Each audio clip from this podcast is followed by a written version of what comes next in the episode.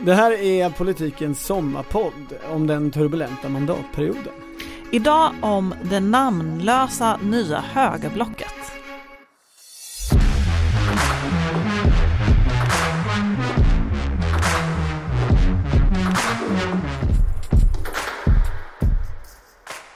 Det här är Politiken med Maggie Strömberg och Torbjörn Nilsson. Ordet eh, historisk har väl sällan använts så ofta som under den här mandatperioden. Det är alltid en ny historisk dag i riksdagen. Ja, det, det märkliga är väl att det allra största som hände under mandatperioden inte ha, har fått något namn och knappt ens har beskrivits som historiskt för att det liksom har pågått hela tiden. Det har varit eh, de, de små stegen, Ja. alltså den här kokande grodan. Eh, precis, jag tänker ju på novemberöverenskommelsen som jag vill kalla det. Eh, alltså den nya högerns första budgetsamarbete. Mm, eller den nya högens samarbete överhuvudtaget. Ja. Det är ju faktiskt bland det största som har hänt den här mandatperioden. Men Eller mittenhögern, hur ska man kalla det? Då? det är ju det som är frågan. Det, det pågår väl eh, och har gjort under hela, under hela sommaren egentligen en diskussion om vad ska man kalla det här? Det är, konservativa blocket. är, är det det nationalistiska? Det gulblå. Men ska vi ta det från början? Alla minns ju en valrörelse 18 där det lovades att man inte skulle samarbeta med Sverigedemokraterna på 20 år eller om inte himlen faller ner. Det, det var Ebba Busch och Ulf Kristersson. Precis. sa så. Men Minns alla valrörelsen 2018 förresten? Det jag tror jag. gör knappt det. Det, det tror jag. har hänt och- mycket. Ja, jag fortsätter. Ehm, jo men det fanns ju sen en alternativ januariöverenskommelse som man inte pratar så mycket om nu för tiden.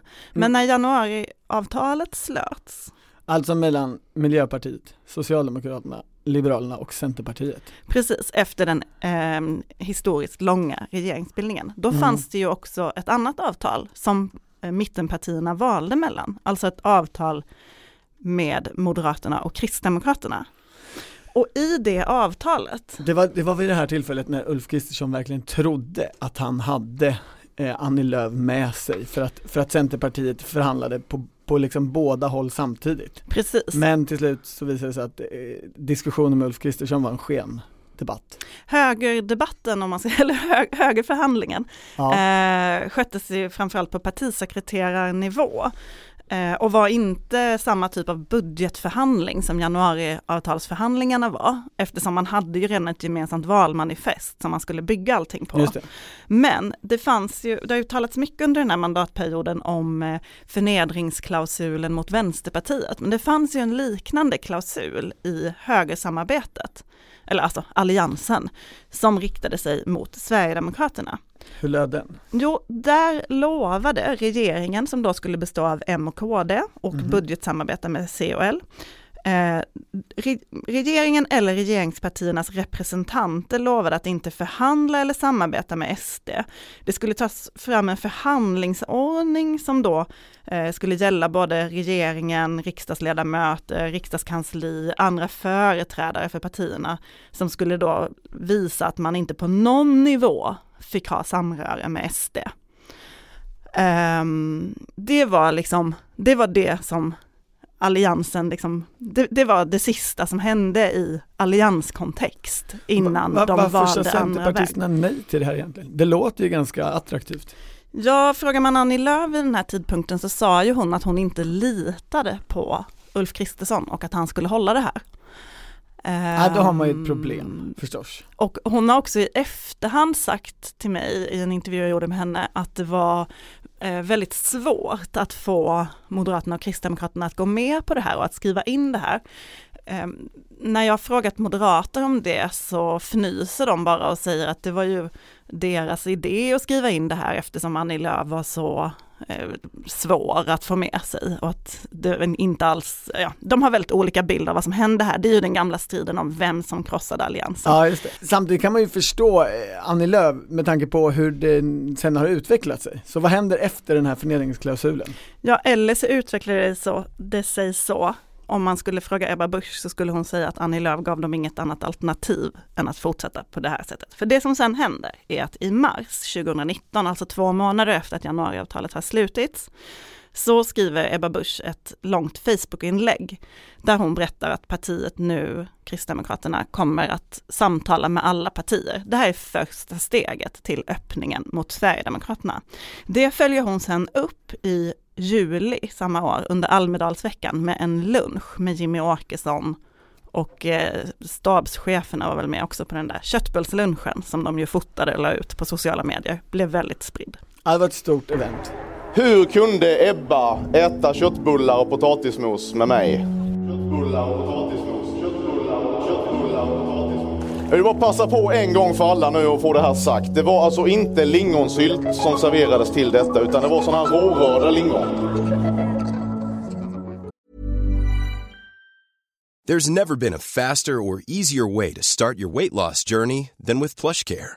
PlushCare accepts most insurance plans and gives you online access to board-certified physicians who can prescribe FDA-approved weight loss medications like Wigovi and Zepbound for those who qualify. Take charge of your health and speak with a board-certified physician about a weight loss plan that's right for you. Get started today at plushcare.com slash weight loss. That's plushcare.com slash weight loss. plushcare.com slash weight loss. Det var ju det, det första, eh, de första stegen. Men läser man det där Facebook-inlägget så det är ganska intressant sett med dagens ögon. För där pratar Ebba Busch om att hon eh, hoppas att det ska i framtiden igen finnas ett borgerligt samarbete i riksdagen. Men nu har man inget annat alternativ då eftersom Centerpartiet Liberalerna har svikit. Eh, hon pratar också om eh, olika principer, alltså att hon, att hon nu öppnar för SD innebär inte att hon kommer ge upp de kristdemokratiska värderingarna.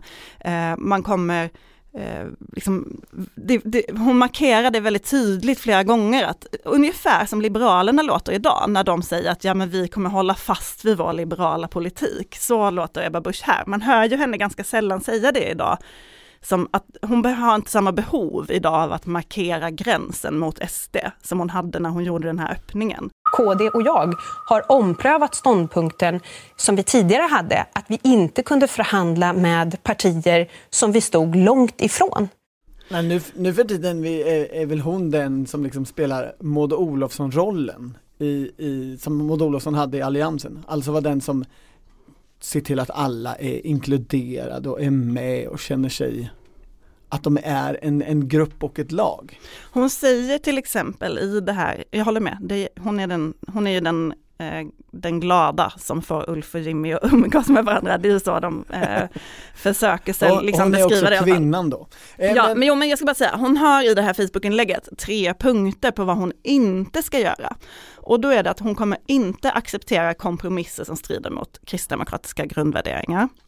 Hon garanterar inte att hon slutför en förhandling som påbörjas. Varje förhandlingsrum har en dörr som man kan gå ut igenom. Också ovanligt att man hör politiker säga det. Mhm, Och tredje punkten, vi inrättar oss inte i något nytt block. Ja, och där får man ju säga att där har ju hon, hon förändrat sin attityd. Hon har ju inte gått ut genom någon dörr som vi känner till, till att börja med. Nej, verkligen inte. Eh, och, och block är ju, det är ju, finns det någon som pratar om block bland partiledarna idag så är det verkligen hon. Fyra nystartspartier kallar hon väl eh, den här, eh, Konstellationen. ja precis, nu för tiden. Ja, hon, samtidigt kan man ju säga att under de här åren har det funnits behov från flera håll att markera att det inte är ett nytt block. Det här är inte alliansen. Man har liksom försökt hitta någon slags balansgång där man både ska då visa på samhörighet och att man inte är som den där röriga andra sidan Mm. som inte kan prata med varandra. Man ska göra gemensamma utspel.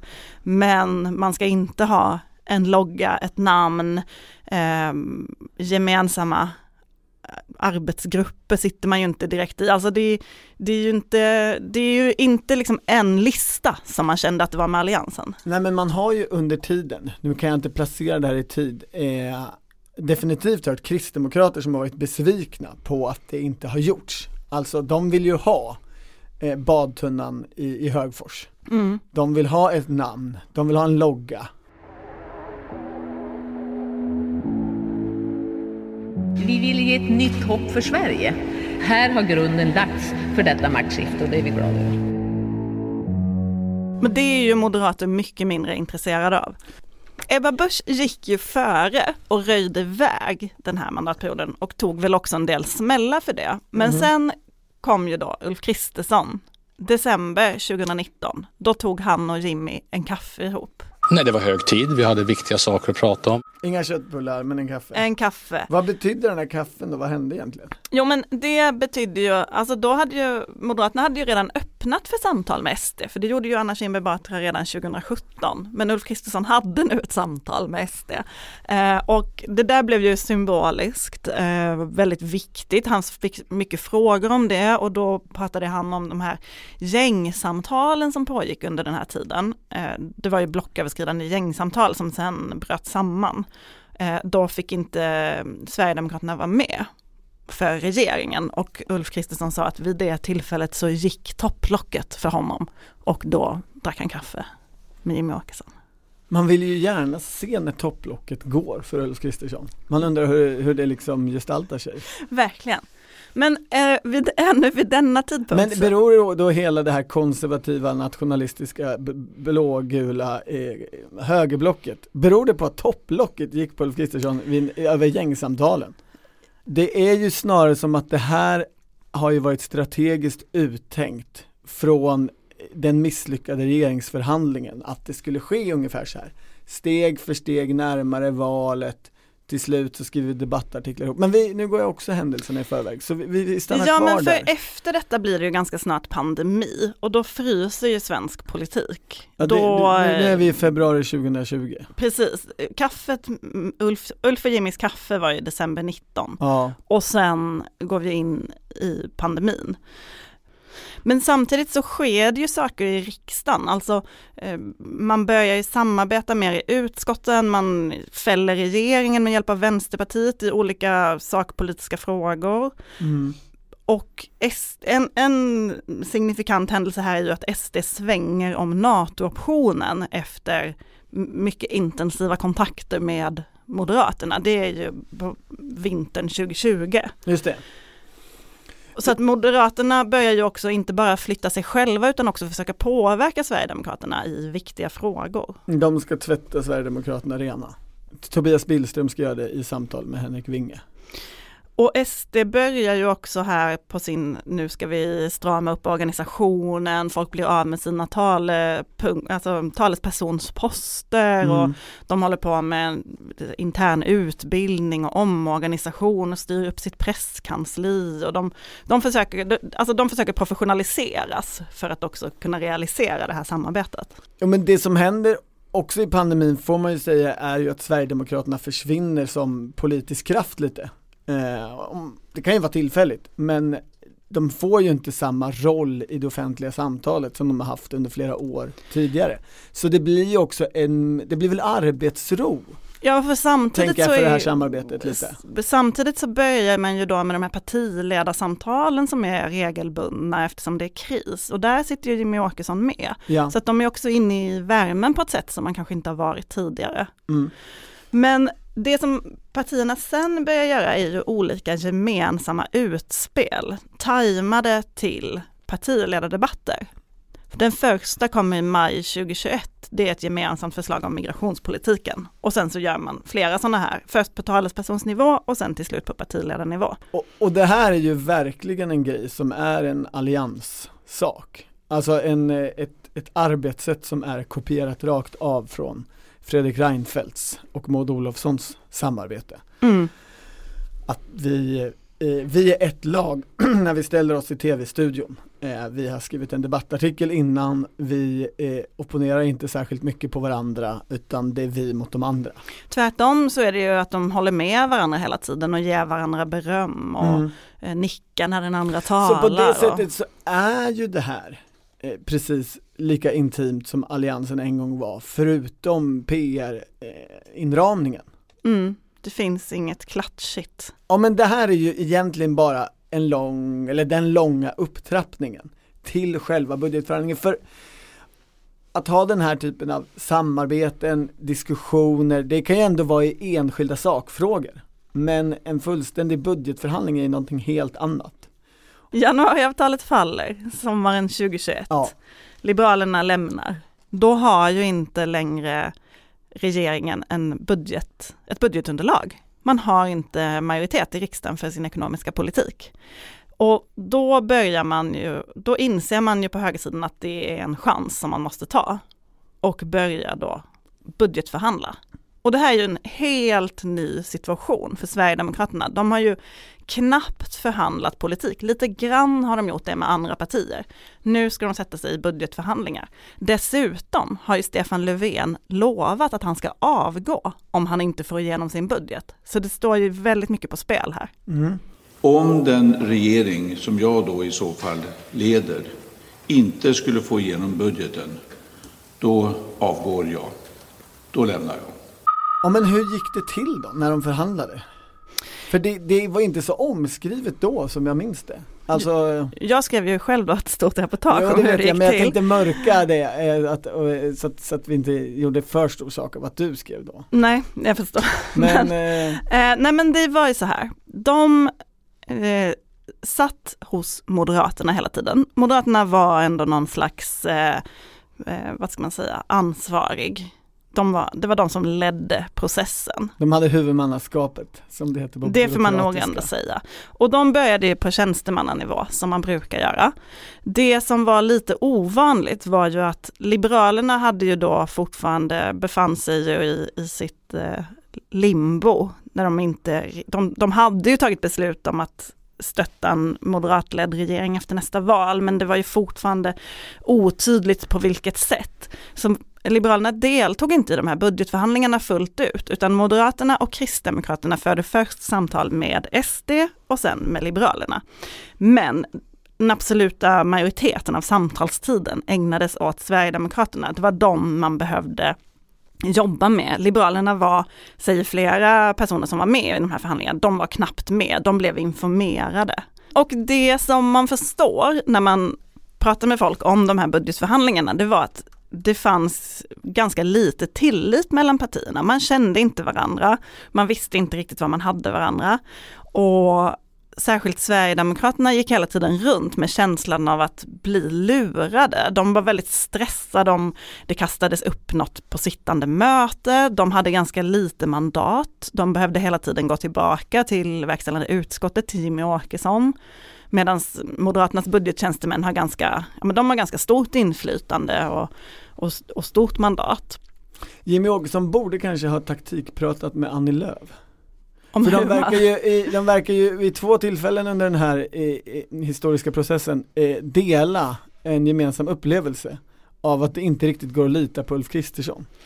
Ja men jag tror att för, för Det kunde de ju S- pratat om. Och, Ja absolut, jag tror att det ändå har olika orsaker att ta sig olika uttryck. Men för Sverigedemokraterna så handlar det ju detta om eh, alltså oerfarenhet i första hand. Och att man, man var hela tiden orolig då över att man, man skulle missa något, att man inte skulle fatta något. Alltså det skulle hända saker som man inte var med på, att man blev bortdribblad. ja.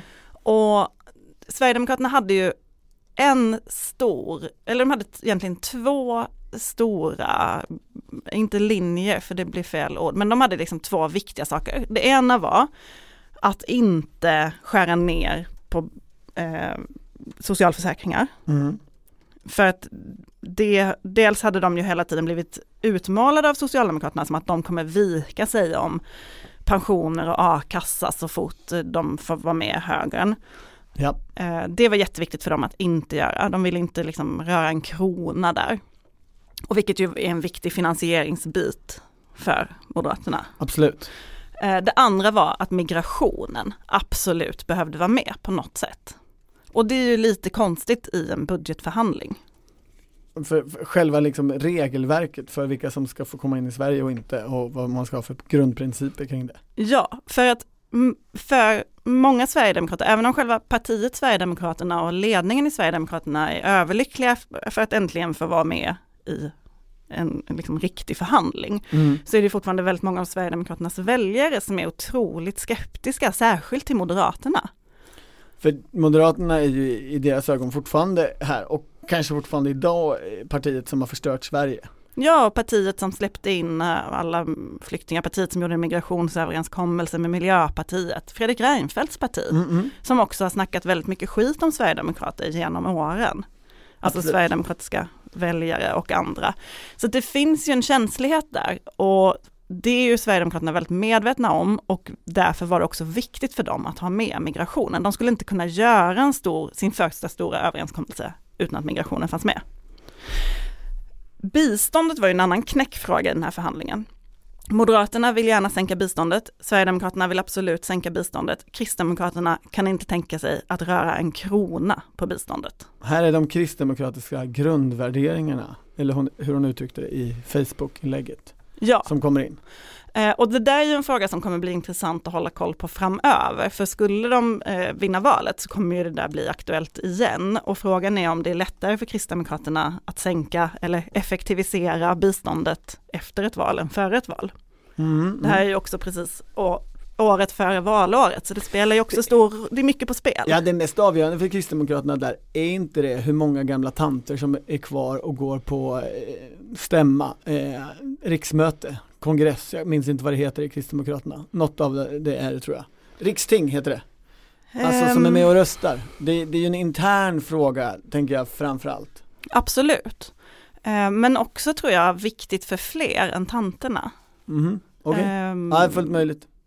Du tycker jag lite, du tycker jag uttrycker mig lite slängigt. Ja, Mm. men det gör du ju ofta, det är lite din grej.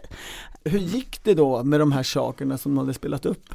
Jo men saken var ju så här, det här var ju inte en äkta statsbudget, eller vad man ska säga, det här är ju en opposition. Var det en servettskiss? Nej men det här är ju en oppositionsbudget. Det är en budget som gör ändringar på regeringens budget. Man måste inte komma överens om allting. Man kan lägga saker åt sidan Ja. som man inte är överens om. Så det gjorde man. Eh, problemet blev ju bara att man fick mindre pengar att spendera eftersom man inte sparade in på socialförsäkringar eller bistånd. Mm. Ehm, så det, det kunde man ändå enas om relativt snabbt, många sakfrågor. Det jag har hört från eh, en del moderater är att de tycker att Kristdemokraterna nästan var jobbigare än Sverigedemokraterna. För att KD var så himla petiga och ville ha in här massa små saker för att kunna visa upp många segrar. Ah, förstår. Medan SD hade ju sin stora fråga om migrationspolitiken. Och det är också här det låser sig. För att ehm, Moderaterna och Sverigedemokraterna, det finns ett förslag på bordet om att dra ner på antalet kvotflyktingar. Och Mm. det tycker de är en bra idé. Det tycker inte Kristdemokrater är en bra idé. De tycker att Sverige ska ta emot kvotflyktingar. Det är ju de flyktingar som ofta har det allra sämst och väljs ut av UNHCR. Ehm, det låser sig fullkomligt. Mm. Och frågorna lyfts då upp på gruppledarnivå. Vilket också är lite ovanligt. Gruppledare brukar inte förhandla budget. Det brukar ju vara ekonomisk-politiska talespersoner och sen kanske man lyfter något till partiledarnivå. Mm. Men här lyfts det till gruppledarnivå och det är bara av den anledningen att gruppledarna är de som har bäst relation i den här konstellationen. Det är de som känner varandra bäst. Och det är Tobias Billström. Andreas Karlsson för KD och Henrik Winge för SD. Men det är ju SD och KD som inte kan komma överens. De, de kan, måste lösa ut migrationsfrågan. Moderaterna är ganska villiga att göra vad som helst. Så att det slutar med att Andreas Karlsson och Henrik Winge måste lösa det här. Samtidigt så har Kristdemokraterna riksting och Andreas Karlsson är föredragande för partistyrelsen på själva brottsdelen som ju är en, en viktig punkt på rikstinget. Så han måste liksom mellan de här debatterna springa ut och ringa Henrik Winge och försöka deala hela tiden om migrationsfrågan. Till slut kommer de två fram till fyra punkter som de ska ha, som egentligen inte riktigt hör hemma i en budget. Så att det blir som ett sidoavtal. Ett litet, liksom det är en budget, oppositionsbudgetmotion med ett sidopåhäng som rör migrationspolitik. Är det det här man kan kalla för novemberöverenskommelsen? För jag vill ju gärna att det här ska få ett, ett, ett riktigt sånt namn. Ja, fast inte riktigt klart här. Nej, nej, okej, fortsätt. För då Ja. skickar de in det här till Tobias Billström och Elisabeth Svantesson, Per Clareus. Och vad säger de sura moderaterna? De säger, men vad är det här för trams? De är sura. Ungefär. Nej men de tittar på det här pappret och så säger de, men så här kan, alltså det här är ju inte seriöst, så här gör man ju inte budget. Och nu blir de moderater, på det sättet som moderater kan vara, överlägsna, dryga. Det är bara vi som förstår, det är bara vi som har kompetens nog att hantera det här. Ni har missat den här paragrafen. Man hör ju den formalistiska Tobias Billström när han läxar upp de här två ungtupparna. Ja men de sitter då på ett möte och säger att, nej men vet ni det här är inte seriöst, det här måste vi, vi, vi får återkomma. Så går de upp på Tobias Billströms kontor, det är då Billström själv, det är Johan Packamonti, Moderaternas budgetchef och det är Per Clareus. Han, är, han har ett finger med i allt, som Mm. vi brukar säga. Eh, då sätter de sig och börjar stryka i det här förslaget och skriver om och liksom De tar fram rödpennan. de tar fram rödpennan och liksom putsar som du brukar säga. Ja, det blir ju bättre om man putsar lite. Mm. Och då, och sen kommer de då tillbaka och lämnar fram det här pappret till Henrik Winge som reagerar som de flesta gör när de får ett papper tillbaka med strykningar och ändringsförslag. Han blir, Ehm, han blir rasande, nej. Det är min Alltså, upplevelse som redaktör i- att det är, ja. I efterhand så har moderater sagt till mig att det kanske var psykologiskt inte så smart att göra det på just det sättet. Att man sitter i sin första budgetförhandling och kommer då tillbaka med den här eh, uppläxande eh, redaktörade sidan. Henrik Winge tar pappret, går tillbaka till sitt gäng Japp. och de eh, kollar då så att de inte har blivit lurade på något sätt. Ja, de Och- är fortfarande lite nervösa för det ja. Mm. Ja, men kommer ändå fram till att eh, så som det då blir omformulerat, det är lite mer strikt och det läggs in i budgettexten, men det är ändå fyra punkter för en stramare invandring eh, som de kan visa upp. Och med det blir de nöjda. Med det blir de nöjda. Och då eh, presenterar de sin budget. Som sen, och eftersom Centerpartiet sen lägger ner sina röster i den här budgetförhandlingen, eller i budgetvoteringen, så går ju den här budgeten också igenom. Men undrar du då, Liberalerna, vad Ja. hände? Det, eh, det är ju Nyamko Sabuni som är partiledare där vid den här tiden. Ja, och de hoppar av. De är inte ens med på den här sista helgförhandlingen, då har de redan kastat in handduken. De motiverar ju det med att det finns en sänkt bensinskatt här, som de inte tycker är bra eftersom de är det gröna partiet i den här konstellationen. Idag är de ju dock för sänkt bensinskatt, de har ändrat sig sedan dess. Ja. Det har också hänt en del med bensinpriserna sedan dess, men det är, deras, det är så de motiverar det. Men de ska ju också ha eh, stort partimöte bara någon vecka efter, där de ska återigen ta upp regeringsfrågan. Vad heter deras möte? Är det landsmöte? Eh, Jag tror det heter landsmöte ja. Ja. Mm. Landsdagar är SD. Nej, så kan det vara. I alla fall. Ehm, så att det, de är liksom, tolkningen är ju också att det uppfattas som för kontroversiellt att skriva på den här budgeten precis innan man ska ha det här partimötet, där de ju bekräftar att de får lov att göra det här i framtiden. De ber om betänketid, men, men det, nu kommer jag, jag, jag kan inte släppa det. Alltså vad, det måste ju få ett namn det här. Jag vet, men det fick ju inte det. Alltså jag vet, har, har noterat att Ulf Kristersson, för sen dess har de ju fortsatt förhandla. Mm. Och jag har hört från Sverigedemokrater att eh, det är mycket trevligare nu i matsalen. Folk hälsar på dem på ett annat sätt. Det är, det är härligare att vara. SD i riksdagen nu för tiden. Men ehm, Ulf Kristersson brukar kalla det för vi på min sida i politiken. Ja, det är lite vagt. Alltså jag menar, vi har haft två mandatperioder, eller tre kanske, där, där de här avtalsparlamentariska eh, sakerna varit väldigt centrala. Alltså migrationsöverenskommelsen. Är det den, för, är det den, med, är det den med Miljöpartiet eller är det den som kom Ja, sen? nej, det är den med Miljöpartiet. Mm. Eh, decemberöverenskommelsen, Dö. dö kallad. Mm. Januariöverenskommelsen, göken kallad. Alltså, man förstår ju att det inte får något namn, för det här är ju förnedrande för alla inblandade parter. Eh, att de här namnen är så, eh, inte bara krångliga och fula i, i skriven eh, svenska i text, alltså typografiskt, ser Mm. det för jävligt ut. Mm. Januariöverenskommelsen. De Eh, kallar det för januariavtalet. jag vet, och så ville de politisera hur man skulle skriva det där, men Mm. alla vettiga människor skriver januariavtalet eftersom det är helt, på estetiska grunder. Mm. Och ännu vidare blir det ju i förkortningsform. Ja. Göken.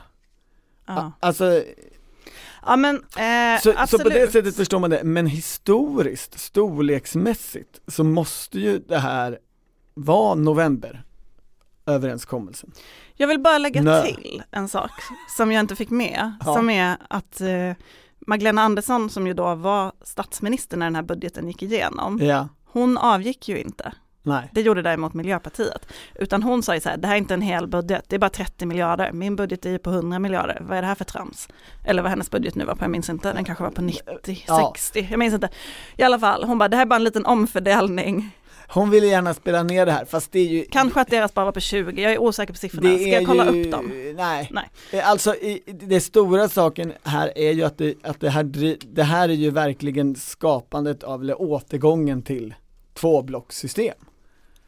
Den, den här cementerar ju att det finns två block och att, att de är så intim, intima och nära varandra på den här högersidan att, Jo men på så att det är en ny allians. På så sätt är ju allt som vanligt i svensk politik, trots alla dessa historiska dagar, så börjar partier med att stå utanför block, men sen införlivas de i blocken på samma sätt som Kristdemokraterna har gjort, på samma sätt som Miljöpartiet har gjort, gör nu också Sverigedemokraterna. Ja, det är ju Centerpartiet. Som går emellan som vanligt. Ja, och det är väl, Det är också historiskt korrekt, alltså det är ju inte, det är inte udda, utan det är ju som det ska vara, i meningen som det alltid har varit. okej men flera tycker ju som du att det är ett problem att det inte finns ett namn på Ulf Kristerssons sida i politiken. Anna Dahlberg, Expressens ledarchef, Mm. skrev tidigare i sommar att det är ett problem för Ulf Kristerssons sida i politiken att de inte har hittat på ett bra namn eftersom de nu hela tiden kallas för högeroppositionen. Det är ju det, partierna på högerkanten brukar Thomas Ramberg säga i Ekot, men högeroppositionen är ju annars ett vanligt namn på de här, förutom när man då säger konservativa blocket som en del tidningar gör, vilket de här partierna blir ganska sura över. Men det Anna För Dahlberg... de vill hävda att de är lite liberala också. Ja, men det Anna Dahlberg menar är att, mm, att Socialdemokraterna lyckas lansera sitt alternativ som något slags mittenalternativ medans Ulf Kristersson då har fått ett högeralternativ. Och för att högeralternativet ska vinna valet behöver de vinna mittenväljare och det blir svårare när man inte kan signalera mitten i sin Det- i hur det pratas om Det partiet. där är en väldigt intressant diskussion och nu, jag har ju under hela den här podden bara velat åt ett namn och det lite ytliga här. Men det finns ju en invändning förstås här också. Och den är ju att, att Vänsterpartiet, om det är ena ytterkantspartiet, är ju hälften så stort som Sverigedemokraterna, det andra ytterkantspartiet. Så att säga, så skulle vi säga att det är En tredjedel. Okej, Okej, de är mindre i alla fall. Alltså så bör ju högeralternativet luta mer åt sin kant än vänsteralternativet gör åt sin kant rent storleksmässigt. Om man dessutom då räknar in Centerpartiet i vänstersidan så är ju det ett parti med en radikal ekonomisk högerpolitik i många hänseenden som ju lutar åt mitten eller högerut med det blocket. Det finns ju ingen motsvarighet i högerblocket. Det finns ju inte ett parti som på några områden har en radikal vänsterpolitik. Alltså det skulle möjligtvis vara Liberalerna i, jag vet inte, jämställdhets eller några så kulturfrågor. Föräldraförsäkring. Ja men alltså, står de upp för sånt längre? Men Alltså så det är ju en, det är ju faktiskt så att det är olika fördelning inom de två blocken. Hur mycket det lutar åt kanter och hur mycket det lutar åt mitten. Jag, för, jag tolkar inte Anna Dahlberg som att hon ville göra en utredning av detta utan att det var Nej. mer partistrategiskt. Ja hon vill ju göra taktiskt. någonting hon vill, vinna, hon vill vinna mittenväljare så att Liberalerna blir det stora partiet. Absolut, och då säger jag att problemet för att få till den här bra perifieringen är ju att det finns ett, ett sakpolitiskt dilemma i botten. Men om man ska titta på det här ändå historiskt, är det inte alliansen som är unikt med sin logga, med sina eh, hissa flaggan på Mara, i Maramö events och Jo, Och också de gemensamma valmanifest har vi ju sett tidigare, men det det har ju inte alltid varit så positivt heller. Alltså se när de rödgröna gjorde det inför valet 2010, det, var ju bara, det blev ju bara dåligt för alla inblandade. Ja, då ansågs ju de luta åt sin kant alldeles för mycket. Alltså det är ju Leif Levin, gamla statsvetarprofessorn, han skulle absolut säga att alliansen är det unika och det fantastiska. Det är väl det, det enda som... som har ett, lanserat sitt eget namn, eller? Eh, och fått behålla det, ja. För det var, ju, det var ju också en diskussion på den tiden. Skulle man skriva alliansen? Eller var detta. det att acceptera eh, att bli del av det moderata PR-maskineriet? Mm, det var det ju delvis. Eh, det var det. Men man måste ju ändå, någonstans tycker jag, i hela den här gök och ja diskussionen så har man väl ändå rätt att definiera sitt eget namn kan jag tycka. Eh, det måste ju folk få göra. Men eh, journalister måste ju också få eh, ha estetiska principer. Ja, det tycker jag är en viktig kan princip. ju få hitta på andra namn om de vill. Ja. Om de vill ha 3000 Twittermeddelanden från moderata tjänstemän. Absolut. Nej men, ehm, men vad ska vi kalla det då? Eh, nej men jag har fått den här frågan så himla många gånger den här mandatperioden. Jag vet att det gulblå blocket var ju, eh, har ju varit uppe på diskussion. Ja det borde de ju vilja ha. Vi gillar ju färger, de rödgröna mot de gulblå. Men det är ingen som någonsin Blåbruna definierat... finns det ju en del som säger. Ja det gör det ju, absolut. Per Bolund, vem är brun här? Vem menar du är brun? Du pratar om de blåbruna. Vem är brun? Men alltså är det någon som någonsin egentligen har definierat Sverigedemokraterna som ett gult parti? Det är ju det är också bara ett hittepå. Ja, men det är alltså svenska flaggan, känner du till? Eh, eh känner jag absolut till. Och men... även nu ukrainska flaggan, alltså även tidigare ukrainska flaggan men också Jag är inte obekant med färgen det. gul. Det, det, är bara det att politiskt så har den ju ingenting med Sverigedemokraterna att göra. Och därför så, så, så, tänker jag att folk inte, det funkar inte med blågult för man associerar inte på Nej, det alltså jag gillar ändå Ulf Kristerssons sida i politiken. Alltså jag förstår att i text är det inte hållbart. Men, eh, men att säga, alltså i poddformat tycker jag att det är trevligt. Ja. Dock vill man ju också lägga in, eh, alltså uppvisandet av högerenigheten är ju också, den, den är ju ganska skör. Alltså Ulf Kristersson bygger mycket valstrategi på att Magdalena Andersson inte har ett lag. Men SD vill ju att Liberalerna ska åka ur riksdagen och Liberalerna älskar ju inte Sverigedemokraterna heller. Nej, så att jag det menar, det är inte så att, och Kristdemokraterna och Liberalerna, de gillade ju aldrig varandra särskilt mycket under allianstiden heller. Nej, de, de har ju mot, det är ju realpolitik, de har ju motstridiga intressen, eh, har haft åtminstone historiskt i en massa frågor. Mm. Men eh, jag kommer inte vara den som kommer på namnet. Alltså kanske att Viktor Bart Kron kommer vara det. Eller Göran Eriksson, han brukar vara bra på det. Eh, Ebba Busch har ju ändå försökt nu med vi fyra nystartspartier. Ja men det har ju funnits så här maktskiftesblocket och sånt, men då är det så här, vad, vad, heter man sen när man har skiftat makten då? Men det är ju samma med ditt problem med Ulf Kristerssons sida. Va, vad heter man när Ulf Kristersson inte är med längre? Det är väldigt kortsiktigt. Absolut. Eller tänker folk att, att Ulf Kristersson, han kommer, svung han kommer vara partiledare i tio år till? Jag tror inte Ulf Kristersson kommer sitta efter valet om han inte vinner det. Nej, eh, så då, ja, då, ja, då dör ju Ulf Kristerssons sida i, i politiken i samma stund. Men då kommer väl alliansen 2.0? Nej, det var den Annie Lööf startade i Almedalen, då kommer alliansen 3.0. Nej, Annie Lööf har slutat, Ulf Kristersson har slutat och de kan lappa ihop det igen. Ah. SD kanske med, vem vet? Vem vet?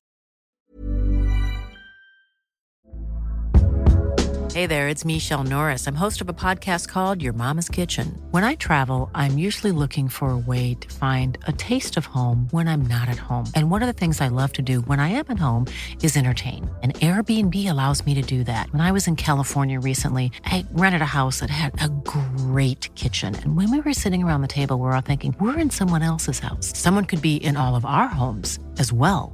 If you have a home, but you're not always at home, you have an Airbnb. Your home might be worth more than you think. Find out how much at airbnb.com/slash host.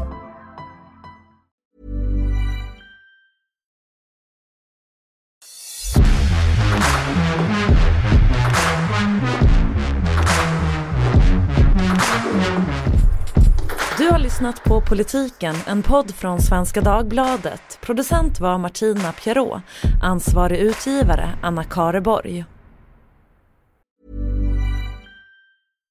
When you make decisions for your company, you look for the no-brainers. And if you have a lot of mailing to do, stamps.com is the ultimate no-brainer. It streamlines your processes to make your business more efficient, which makes you less busy.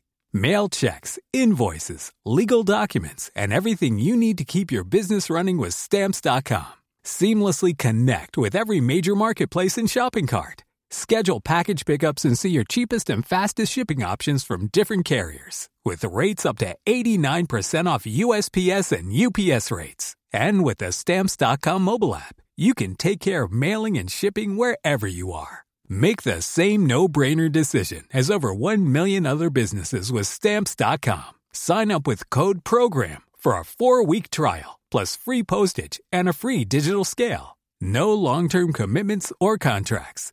That's stamps.com. Code program.